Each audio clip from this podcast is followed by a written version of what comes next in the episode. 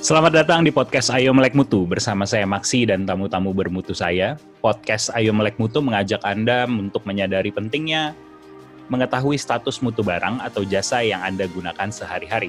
Podcast ini dipersembahkan oleh Mutu Internasional, perusahaan yang bergerak di bidang sertifikasi, pengujian, serta inspeksi barang dan jasa. Halo kawan Mutu, bertemu lagi di episode uh, podcast Ayo Melek Mutu. Dan untuk hari ini kita kedatangan tamu yang istimewa. Tamu bermutu saya hari ini adalah Mas Rifa Mulyawan. Uh, beliau adalah seorang vlogger, uh, brand endorser juga, penikmat jalan-jalan keliling dunia istilah kita. Nah, halo Mas Rifa, apa kabar? Halo Mas Maksi, baik-baik Mas. Gimana kabarnya Mas Maksi? Baik, sehat-sehat Mas? Sehat. Ini kita ngobrol berdua, kita mau ngobrolin tentang uh, pariwisata karena Mas uh, Rifa salah satu orang yang uh, aktif lah ya berkecimpung di dunia pariwisata alias suka jalan-jalan ya Mas ya. Iya lebih ke ya menikmati suka jalan-jalan gitu sih Mas. Suka jalan-jalan. Udah ke mana aja Mas iya. jalan-jalan? Ah ke mana ya? Sebenarnya nggak banyak banyak banget sih Mas. Tadi kalau dibilang penikmat jalan-jalan dunia juga belum dunia-dunia banget sih mas. Udah berapa benua mas? Baru, nah. waduh, belum mas baru. Kalau Asia Tenggara uh, udah semua sih udah 11 negara Asia Tenggara. Checklist ya. Terus di beberapa ya negara Asia sama Eropa juga sih gitu mas. Cuma masih belum ya uh, kayak Amerika, Afrika tuh belum mas, belum, mas harusnya apa harusnya karena harusnya terjama apa karena covid jadi nggak jadi gitu? Nanti mas mudah-mudahan di tahun-tahun berikutnya bisa ke sana. Oke okay. uh, eh, wishlistnya ke mana mas? Yang paling pengen didatengin? Ke mana ya sebenarnya lumayan banyak mas cuma aku sih penasaran dengan Amerika Selatan ya mas ya Amerika Latin hmm. itu penasaran cuma belum tahu sih apakah kondisinya juga kondusif atau gimana aku belum pelajari lebih lanjut cuma memang pengen ke daerah-daerah sana sih mas. Gitu. Hmm ya ya ya. Sejak kapan mas ini mulai apa uh, tertarik? Jadi Mas Rifa ini kan uh, awalnya itu dari suka jalan-jalan ya, terus sambil jalan-jalan hmm. suka bikin konten betul ya? Uh, lumayan, iya. Mm-hmm. Suka, suka sharing lebih tepatnya, suka bikin konten cerita gitu. Mm-hmm sampai sekarang tuh terkenal jadi ini ya influencer di bidang ini juga ya pariwisata ya. Belum mas, belum sampai ke level yang gimana-gimana sih sebenarnya. Hmm. ya tapi tetap aja udah udah udah ditanyain lah opininya kurang lebih begitu ya. Thank you mas udah nanyain saya nih. nah, um, ketika berwisata mas, um, apa hmm. sih yang biasanya ditemukan yang sering menjadi kendala ketika wisata mas? ketika wisata gitu mas ya uh, paling pertama banget biasanya uh, sampai bandara mm-hmm. dari bandara ke kota atau ke akomodasinya nih loh mas itu mm-hmm. salah satu yang atau apa ya ini utama lah apa maksudnya konektivitas mm. dari bandara ke kotanya itu menjadi kadang-kadang jadi masalah mm-hmm. terus uh, infra apa infrastrukturnya berarti ya mm-hmm. kemudian konektivitas antara satu tempat ke tempat lainnya juga mas kadang-kadang apalagi hmm. daerah-daerah yang mungkin agak susah kalau uh, dijangkau sama kendaraan umum misalnya hmm. itu juga hmm. jadi kendala buat kita sih mas kadang-kadang. Mas Rifa itu kalau nah, traveling hmm. biasanya apa solo traveling apa apa pakai tour and travel atau ngebolang aja atau gimana style mas? Lebih sering sendiri sih mas, lebih okay. sering dan lebih sering tidak pakai tour and travel. Kalaupun hmm. pakai bukan pakai tour travel sih lebih kepada misalkan saya ke mana nih satu tempat mm-hmm. terus pengen ke tempat lain benar-benar nggak ada kendaraan umum misalnya mm. barulah saya mencari biasanya kan ada agen-agen travel lokal yang menyediakan oh ya besok ngumpul dari jam 8 mm. uh, di sini kita ke tempat itu kayak gitu mm. lokal trip Jadi, gitu ya ya uh, gitu sih mm-hmm. dan uh, apa namanya uh, mereka itu Mas Rifa itu Eh, berarti kan udah sering ke luar juga, ke di dalam juga gitu ya. Luar negeri dan di dalam negeri gitu. Eh, apa perbedaan yang paling Mas Rifa rasakan di hmm. ketika di traveling di negara yang mungkin udah eh, established gitu ya, dengan domestik hmm. gitu misalnya? Uh, mas, kalau saya membandingkan dengan yang apa namanya negara-negara Eropa gitu ya kayaknya agak terlalu jauh ya maksudnya aku juga uh, tidak bisa ke sana gitu mungkin kalau saya bisa membandingkan dengan negara-negara yang ASEAN aja dulu gitu mas ya. Okay. yang negara-negara tetangga kita gitu. Beberapa perbedaan yang bisa saya ingat uh, kalau misalkan ngomongin tadi misalnya infrastruktur uh, gitu ya. Ya infrastruktur gitu ya.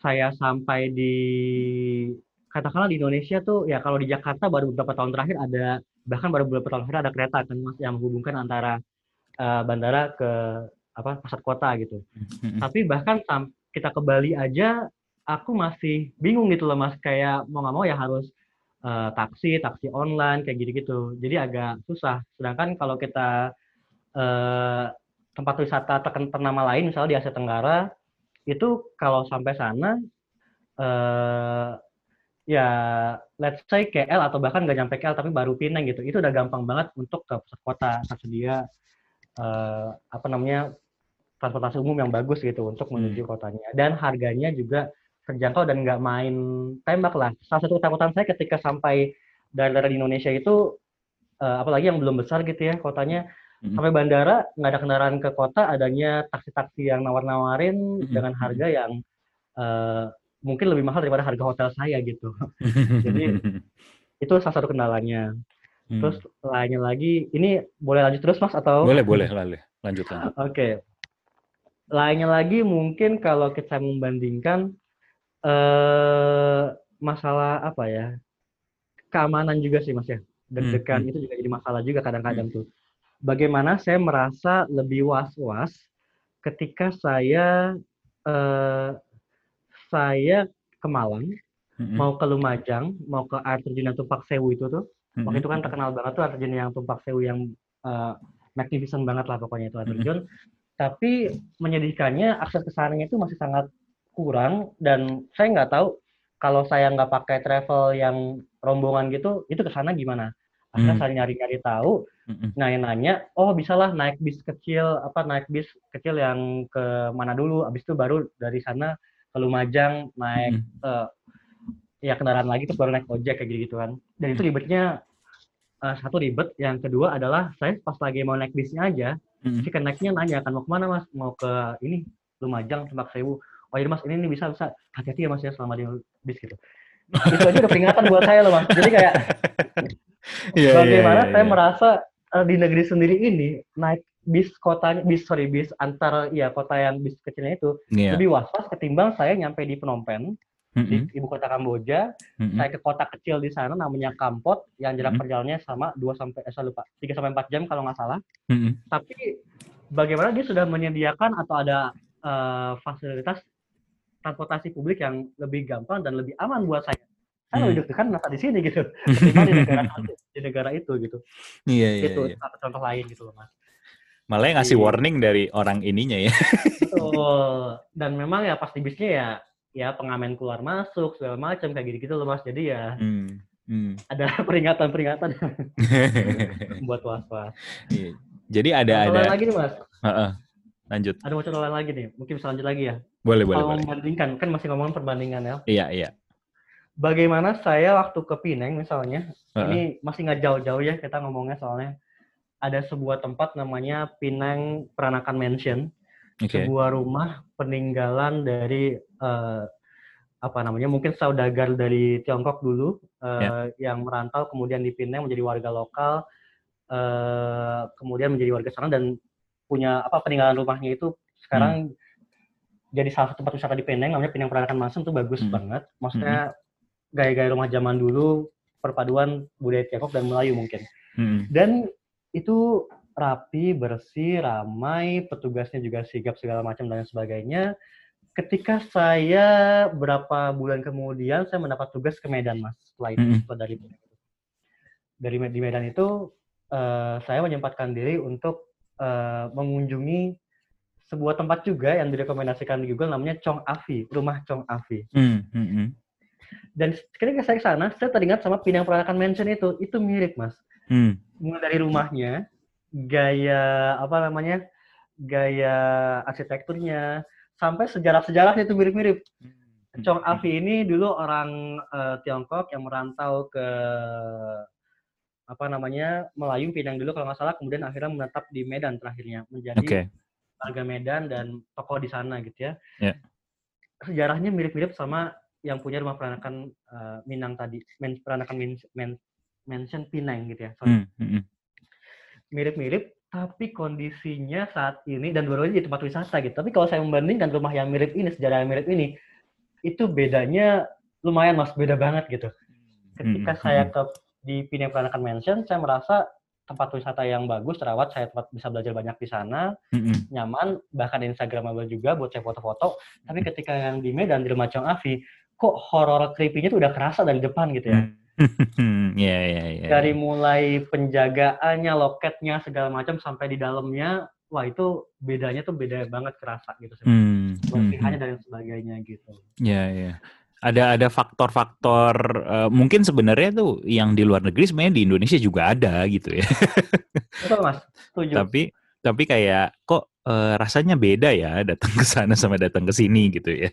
Betul mas. Bahkan mungkin mm-hmm. bisa jadi punya kita ya banyak lah yang nggak kalah yang yeah. bisa kalau ya kalau secara subjektif mungkin kita bisa bilang lebih bagus gitu ya. Yeah, yeah. Cuma kalau mau objektif ya mungkin nggak kalah tapi ya kok jauh ya kerasanya yeah, gitu, yeah, yeah. dan lainnya. Gitu. Berarti dari pengalaman Mas uh, Riva sendiri, hmm, berwisata di untuk di domestik Indonesia gitu, apa saja yang menjadi tantangan yang yang harus diantisipasi gitu, Mas, harus diwaspadai oleh mereka yang ingin traveling domestik gitu. Oh, oke okay, Mas. Yang uh, dari beberapa perbandingan tadi dan hmm. yang saya alami, tadi ya Mas ya, infrastruktur, konektivitas yeah. Yeah. satu tempat wisata ke tempat lainnya, yeah. keamanan, safety kita itu juga ngaruh banget. Maksudnya mm-hmm. waspada banget sepanjang jalan dari Malang ke Lumajang saya zikir loh mas maksudnya. ya maksudnya ya apa namanya was tuh lebih dapat lah. Wisata religi mas. Tiba di tempat lain gitu. Kira-kira di warning tadi. Terus mungkin juga oh lagi nih mas ini di beberapa tempat dan hmm. real case-nya tadi di Lumajang tadi ya di air terjun Tumpak Sewu ketika saya datang itu uh, saya yang menyambut saya itu warga situ, warga lokal. Yeah. Saya nggak tahu emang dia jual tiket-tiketan atau tiket beneran, tapi pakai warga baju biasa, pakai daster ibu-ibu gitu. Oh mau ke sini mas, ini, ini tiketnya bayar di sini mas. Terus mm. nanti masuk lewat aja gang kecil gitu kan. Mm. Saya lewat situ gitu. Terus uh, oh ya bu, saya mau ke toilet dulu di mana ya? Oh ini nih mas, di sini aja nih rumah saya gitu. Atau rumah mm. tetangga saya, saya lupa gitu. Mm. Jadi bahkan untuk sebuah masuk tempat wisata yang saat itu sangat ternama yang lagi lagi lumayan lah ya dan sampai sekarang juga bagus banget sih apa itu air terjun yang mungkin salah satu yang paling bagus hmm. yang dibilang travel blogger gitu kan yang pernah ditemui di di dunia mungkin ya kan uh -uh. di Alaska Indonesia katanya tuh okay. tapi ketika sampai sana uh, ya itu bahkan untuk toilet aja saya harus numpang di rumah warga misalnya kayak gitu loh mas. Mm, mm, mm, Terus uh, jadi tidak ada apa ya kalau kita ngomongin tentang turis service semacam mm, itulah gitu. Itu mm. sangat kurang gitu kalau untuk di beberapa tempat wisata di Indonesia kayak gitu. Mm, mm. Kalau saya membandingkan dengan tempat yang lebih biasa, lagi-lagi oh di Laos misalnya. Ada juga namanya air terjun yang sangat ternama di sana. Air terjun mm. Luang Prabang kalau mau ya kita nggak boleh banding bandingin sebenarnya tempat wisata punya yeah, yeah. sendiri. Cuma kalau sebagai orang Indonesia subjektifnya, wah Indonesia ya, ya ini lebih bagus lah Bagusan dibandingin di ini. Uh, ya si ruang Prabang ini yang ternama ini gitu. Uh -uh. Sebenarnya tidak seberapa, tapi ketika di sana keindahan alamnya iya wow sekali di sana, tapi hmm. experience dan si tourism service-nya ini loh mas yang membuat yeah. uh, experience-nya jauh lebih berbeda gitu yeah, dan lebih yeah, nyaman yeah, yeah, buat yeah segala kalangan, segala usia. Mm-hmm. Karena kalau saya kemarin ke sana, ke mm-hmm. apa namanya, Atas Jitu Pak Sewu, mungkin karena saya masih muda, saya masih berani, saya masih bisa kuat untuk apa namanya mendaki turun dan lain sebagainya, ya saya senang-senang aja. Mm-hmm. Tapi kalau saya bawa orang tua saya ke sana, waduh, saya nggak kebayang. Yeah, Tapi kalau yeah. saya bawa orang tua orang tua saya ke Luang Prabang, ke Lawas itu, itu masih sangat memungkinkan buat saya. Hmm, gitu. yeah. Nyamanannya segala macam masih dapat. Karena gitu. kalau ngomongin pariwisata itu bukan cuman ngomongin objek-objek wisatanya aja tok gitu ya, cuman alamnya saja gitu ya. Tapi ada ada faktor-faktor pendukung lain yang ambience itu yang juga menjadi uh, faktor penting dari sebuah objek wisata gitu ya. Setuju mas, setuju. Mm -hmm. ada hal-hal lain di luar si uh, produknya itu sendiri gitu loh, yeah. di luar objeknya itu sendiri gitu. Iya, yeah. misalnya kayak infrastruktur gitu-gitu ya. Infrastruktur gitu. Mungkin bahkan mungkin people juga tuh mas.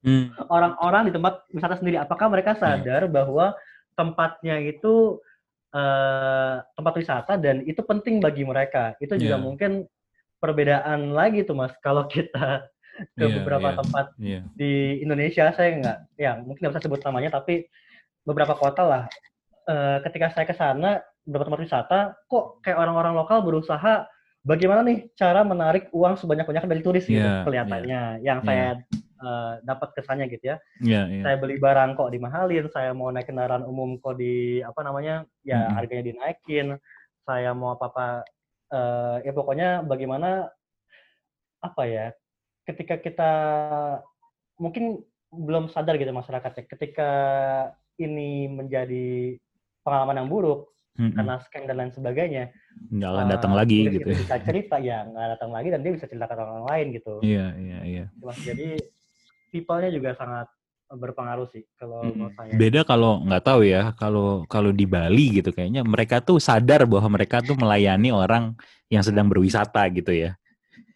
Kalau ya, kalau culture-nya. Ya. Yang ya betul. Ya kita tidak bisa menyamaratakan seluruh orang Indonesia ya, betul. cuma betul. Uh, iya di beberapa tempat memang sudah sadar tapi uh, tempat-tempat yang sedang digalakan bahkan untuk supaya ramai tapi orang-orangnya mungkin masih belum memiliki yeah. kesadaran bahwa wisata itu penting di tempat mereka itu ada dan itu penting yeah, menjaga yeah. turis itu penting gitu. Dan mereka kayaknya harus ada training uh, gimana caranya mereka harus disadarkan bahwa tempat lo itu tempat wisata gitu ya. Jadi lo harus surfing orang seperti sedang orang itu sedang berwisata. Lo tuh pelayan juga gitu ya. Setuju mas. Mungkin kayak selama ini mereka ngelihatnya juga, oh ya udah ini orang orang siapa sih orang datang ke sini gitu. Cuman ini bahwa bahwa wisata itu bahwa ada ada attitude yang berbeda yang bi, mungkin harusnya mereka bertindak seperti uh, apa namanya melayani kurang lebih seperti itu gitu ya. Nah, tidak bermaksud apa memandang yang lain superior mungkin ya atau turis ya, itu betul. lebih tinggi tapi ya setidaknya ya membuat uh, para wisatawan mungkin lebih nyaman berada di tempat betul. mereka. Gitu. Betul. Betul. Nah, kalau di uh, luar negeri relatif mereka ini friendly gitu, Mas. Kalau kita bandingkan dengan uh, international route gitu misalnya ya. Nah ini sangat-sangat beragam juga sih mas sebenarnya. Yeah, ada yeah. sebenarnya ada tempat-tempat yang kalau saya bisa compare lagi, uh, mungkin saya compare lagi-lagi di ASEAN lagi mas ya yang lebih mm -hmm. dekat dengan kita secara culture dan lain-lain. Mm -hmm. Ada tempat-tempat yang mungkin orang-orangnya juga uh, kurang ramah atau cuek. Mm -hmm. Tapi kalau kita ke sana, anda nggak pakai orang tanda kutip ya, uh, anda bisa survive. Kita bisa survive. Karena apa? Karena semua tersedia ya katakanlah Singapura ya mungkin kalau nanya orang di sana jawabannya singkat atau yeah, kurang yeah. mungkin buat orang Indonesia loh kok nih orang buru-buru banget jalan cepat segala macam yeah, tapi yeah. kita tidak bertanya kepada orang di sana kita semua jelas internetnya mm. sangat kencang wifi di mana-mana mm-hmm. peta dikasih di mana-mana sampai bandara kita bisa ngambil peta sepuasnya tuh banyak banget yeah, benar. terus abis ini tahu mau ke mana naik MRT segala macam dari bandara tuh gampang banget terus semua sign dalam bahasa Inggris itu ada. Jadi kayak uh, itu tuh walaupun kita mungkin tidak bisa terlalu berharap banyak pada keramahan orang di sana mungkin ya. Ya betul, betul. Uh, tapi kita tetap bisa nyaman di sana karena semua mm -hmm. tersedia. Mm -hmm. Sampai toilet umum yang bersih juga banyak gitu. benar, Tapi benar, kalau di beberapa tempat yang saya mungkin susah untuk menemukan kata bahasa Inggris, apa maksudnya tidak seperti Singapura. Yeah. Tapi orang-orangnya sadar mungkin ya kalau tempat mereka tuh uh, wisata itu penting di tempat mereka. Yeah. Di beberapa daerah di uh, Thailand misalnya, di Chiang Mai misalnya, uh, di beberapa tempat mungkin tidak ada uh, sign dalam bahasa Inggris atau tidak banyak wifi dan lain sebagainya, tapi uh, ya entah mengapa saya merasa orangnya begitu menghargai turis, begitu senang ketika ada turis datang. Ketika kita nanya, kadang-kadang walaupun Inggrisnya terbata-bata, dia berusaha untuk uh, ini pengalaman pribadi ya, uh, uh, berusaha untuk menjawab segitu uh, se-effortnya dia lah sama yeah, yeah. dia. Supaya kita uh, terpenuhi gitu, mau ke mana apa apa namanya terjawab gitu pertanyaan kita. Bahkan dia sampai manggil orang lain kalau dia nggak tahu gitu. Benar-benar. Nah itu uh, ada ketika mentalnya sudah apa namanya ya tadi memang bukan superior tapi memang uh, dia sadar bahwa dia harus melayani gitu demi demi apa namanya demi kelangsungan e ekonomi pariwisata ini mereka akan punya attitude yang berbeda gitu rasanya ya. Yes, begitu mas kira-kira. Kalau Mas Riva kan tadi pernah juga menggunakan uh, jasa ini ya apa namanya tour and travel misalnya gitu ya uh, local trip lah gitu. Iya, local local trip gitu. iya. gitu. Nah, um, gimana pengalamannya menggunakan local trip uh, local trip yang apakah Mas Rifa familiar nggak kalau ada uh, local apa penyedia tour and travel itu sekarang kan harus ada uh, apa namanya akreditasi dan sertifikasinya tuh gitu. Jadi mereka harus ada apa namanya harus ada uh, mereka tuh sebenarnya harus punya standar tertentu gitu yang mereka jalankan gitu. Mm -hmm. Tapi Mas Rifa pernah punya pengalaman gak enak nggak sih dengan local trip gitu di lo, uh, baik di domestik atau di internasional gitu? Uh, pengalaman gak enak lokal sih ada sih mas. Mm -hmm. uh, ya jadi apa ya? Tapi walaupun ada tapi saya sebenarnya sudah meng, apa namanya sudah meng, uh, meng, meng, meng, apa namanya menyesuaikan kalau itu emang konsekuensinya mungkin ya. Hmm, Jadi yeah, yeah. misalnya ketika saya di suatu daerah, hmm. waktu itu saya di Chiang Mai, saya mau ke Chiang Rai, jadi emang agak susah juga untuk transportasi umum di sana dari Chiang Mai ke hmm. Chiang Rai. Jadi mau nggak mau saya cari local trip uh, di sana hmm. yang bisa apa namanya uh, antar saya lah tur seharian yeah. ke yeah. Chiang Rai kayak gitu. Yeah. Oh, Chiang Mai dan Chiang Rai ini dua kota bertetangga lah di Thailand ya. Oke. Okay. Uh, eh, mungkin uh, apa namanya uh, kekurangan-kekurangan itu uh, saya nggak tahu apakah memang sudah lumrah terjadi atau gimana, tapi hmm. biasanya uh, apa ya biasanya tuh uh, hal-hal ini uh, ini sih mas lazim terjadi gitu apa Iya lazim terjadi kalau saya hmm. karena kalau kalau misalkan buru-buru kamu hmm. harus ya jam jam jam segini terus hmm. Hmm. dianya marah-marah si ininya gitu saya merasa oh itu memang mungkin memang sudah uh, konsekuensinya cuma yeah. memang yeah. Hmm. tidak semua orang uh, menyadari itu dan tidak semua orang mempersiapkan atau berekspektasi seperti itu gitu sih. Hmm, ya ya ya. Ada Karena... orang yang memang ketika oh gue ngambil paket ini ya otomatis gue harus dapat begini begini begini gitu. Hmm, ketika hmm. ternyata gue di satu tempat tujuan gue dilepas aja tidak diceritakan storynya tentang tempat hmm. ini segala macam hmm. ya itu mengecewakan. Mungkin ada orang-orang yang seperti itu gitu. Hmm. Jadi yeah. ya aku nggak tahu, aku tidak terlalu familiar dan tidak terlalu banyak menggunakan jasa local trip sih mas. Cuma memang mm -hmm. kalau saya biasanya kalau menggunakan jasa local trip, saya sudah uh, riset sebelumnya, bukan riset dulu ya. googling, yeah, yeah, sebelumnya. Yeah. Kayak yeah, yeah. oh kalau di sini biasanya local tripnya cuma uh, ini aja nih nganterin lo ke tempat, terus dia cuma ngomong sebentar, jadi lo nggak yeah. expect banyak itu sampai dijelasin kayak gimana, yeah, sampai yeah. dikasih uh, service yang oke okay, dan lain-lain segala macam yeah, gitu. Iya, iya. Hmm, hmm, ya, ya. Jadi memang riset riset itu penting ya buat sebelum belum berwisata gitu Mas ya. Saya pernah jalan-jalan tanpa riset dan jalannya dengan dengan riset kecil-kecilan kayak gitu sih Mas. Itu okay. rasa sebenarnya. Kalau apa yang beda Mas rasanya Mas? Di satu sisi mungkin kalau tanpa riset kita berharap ada surprise segala macam lalala uh -uh. kayak gitu Mas ya. Uh. Tapi sisi lain uh, bisa jadi jauh dari ekspektasi kita. Ya, yeah, oke. Okay. Bisa jadi buang-buang uang, waktu kayak gitu-gitu. Iya, iya. Iya, iya, iya. Tidak terjadwal dan lain-lain kayak gitu-gitu sih. Iya, iya, iya. Jadi memang uh, salah satu mungkin uh, tips buat teman-teman supaya berwisatanya lebih bermutu tuh ya lakukanlah riset lah ya. Kurang yes, betul. setidak-tidaknya tuh tahulah mau ke mana, naik apa gitu. Iya. Kadang kan ada yang memang ah gue cuman mau sampai sini doang, udah terserah nanti uh, ini deh apa namanya uh, lihat nanti deh gimana gitu. Ya monggo aja gitu, cuman jangan protes saja gitu ya. ya betul mas. Karena ya di beberapa negara Tenggara ini emang ada uh, tadi mas saya bilang ya mungkin yang scam scam itu ya. Yeah, Jadi yeah. kalau biasanya kalau kita riset udah baca pengalaman orang, kita tahu nih gelagatnya. Oh ini tuh gue pernah baca nih. Hmm, abis yeah, ini yeah, yeah. pasti dia abis nanya, abis deketin gue, nanya nama segala macam lalalala. Mm-hmm. Abis ini dia pasti mau nawarin apa nih. Nah, yeah. jadi udah ketahuan kalau dari set sebelumnya pasti kita bisa langsung yang oh ya udah deh apa uh, uh. tinggalin atau pergi atau gimana uh, gitu. Pernah kena mas? Karena udah riset sebelumnya. Jadi aku udah tahu tuh mas biasanya kalau misalkan oh di Bangkok kalau kamu lagi uh, di ngasih makan burung tiba-tiba ada yang nawarin apa segala macam uh, uh. nanti gimana?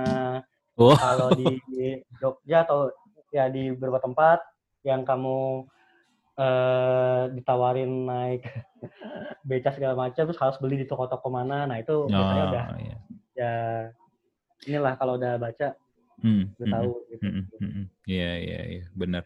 Jadi ya memang harus uh, apa lah ya uh, proaktif untuk melihat mencari informasi dulu gitu karena uh, dengan adanya internet itu sebenarnya membantu banget ya untuk untuk teman-teman berwisata gitu ya. Yes, betul mas. Hmm. Ada fun fact juga teman-teman sebenarnya bahwa industri internet itu salah satunya maju karena teman-teman dari eh, karena untuk memenuhi kebutuhan pariwisata. Eh, banyak startup-startup itu yang maju yang awal-awal adalah traveling gitu kayak dulu eh, sebelum tiket.com tuh ada U-Ticket, ada apa gitu ya oh. dulu macam-macam tuh. Eh, apa namanya uh, penyedia informasi tentang pariwisata. Nah, uh, ini berhubung teman-teman waktu kita tinggal sedikit lagi karena kita menggunakan aplikasi gratis ini teman-teman. Jadi waktu kita cuma terbatas. Aku mau minta uh, ini uh, dari Mas Rifa, kira-kira boleh share tips dan triks lagi nggak buat teman-teman supaya kira-kira berwisatanya itu lebih bermutu lagi gitu bisa lebih lebih menyenangkan lah bermutu as in lebih menyenangkan gitu supaya hassle free traveling gitu mas gimana caranya Oke, apa ya? Kalau dari dari pengalaman, dari pengalaman. Ya, biasanya pertama tadi cari-cari tahu dulu tentang tempat wisatanya. Ya. Sama yang penting juga adat istiadat tanda kutip ya di sana seperti apa. Oke. Okay. Sebagai turis tadi kita boleh lah berekspek uh, orang-orang membuat kita nyaman di sana, tapi mm -hmm. juga jangan sampai uh, kita melanggar hal-hal yang sebenarnya tidak boleh di sana misalnya. Tetap mm -hmm. menghargai uh, budaya tempat seperti apa, mm. ketahui dan hargailah gitu. Mm. Terus kalau saya tadi biasanya lebih nyaman kalau sudah menjadwalkan sebelumnya dari sini ke sini eh dari di hari ini mau ke mana aja terus hmm. saya bisa cari tahu dulu naik apa dari sini ke sananya seperti itu karena hmm. itu bisa saya sih buat lebih menghemat hmm. waktu dan biaya juga hmm. terus biasanya saya lebih nyaman kalau uh, act like local ya apalagi kalau di negara-negara hmm. Tuh kita kan mirip-mirip iya iya benar benar orang-orang lokal lah jadi ya pelajari tadi lagi kembali ke pelajari budayanya gimana mm -hmm. mereka orang lokal tuh biasanya ngapain mm -hmm. terus cobalah untuk menyesuaikan diri dan tanda kutip ber atau hidup seperti mereka coba yeah, yeah. Gitu. ini penyakitnya nih kadang-kadang orang tuh uh, tidak uh, ya memang beda-beda sih ya tiap style ya orang traveling gitu kadang ada yang pengen berlaku seperti turis ada yang pengen sebagai eh, warga lokal gitu ya jadi ya, jadi suka memang suka kembali ada. ke ininya masing-masing sih kenyamanan. Karakter, iya iya benar. Mas, boleh share ya. tips untuk ini nggak uh, memilih misalnya kayak tadi lokal trip yang Mas pakai gitu. Biasanya uh -huh. apa yang Mas lakukan gitu? Kalau lokal trip, uh, kalau dulu mungkin hmm. waktu dulu tuh saya random lumayan tuh Mas. Uh, hmm. Saya hmm di tempat wisata lokalnya ada beberapa lo, apa lokal provider ya yang, hmm. ya provider gitu mm-hmm. lihat aja nih mana yang rukonya bagus gitu ya mana bagus oke okay, gitu kan tapi kalau sekarang uh, saya ada beberapa aplikasi kan mas di yeah, yeah. apa namanya uh, online tadi mas yeah. bilang kayaknya yeah. udah membantu banget lah yang bahkan aplikasi dalam negeri yang aplikasi ya sorry dari negara kita yang sudah bisa dipakai di yeah. beberapa negara tetangga itu juga yeah atau okay. negara lain kita juga hmm. ya oke okay, gitu kita hmm. bisa milih dari sana gitu hmm. biasanya kita tinggal nuker di sana sih. Gitu. Iya. Jadi banyak lah sebenarnya alternatif yang bisa kita lakukan ya. Riset intinya iya. menjadi penting ya mas ya. Jangan jangan lupa baca review-review mas itu. Ah review itu penting juga tuh dia pengalaman ya. pengalaman orang itu penting. Betul. Iya, iya, akomodasi iya. lokal apa provider tadi itu penting iya. banget. Oke, sip. Terima kasih banyak Mas Rifa Mulyawan sudah bergabung di podcast Ayo Melek Mutu. Nanti kita kalau ada kesempatan kita ngobrol-ngobrol lagi, Mas. Baik, terima kasih juga Mas Maksi. Ya. Senang banget bisa ngobrol-ngobrol di sini. Terima kasih semuanya semoga uh, bermanfaat. Amin. Iya, pengalamannya menjadi pengalaman yang penting untuk kita nih teman-teman gitu. Amin, thank you. Itu aja kawan mutu, kita ketemu di podcast episode selanjutnya. Dadah.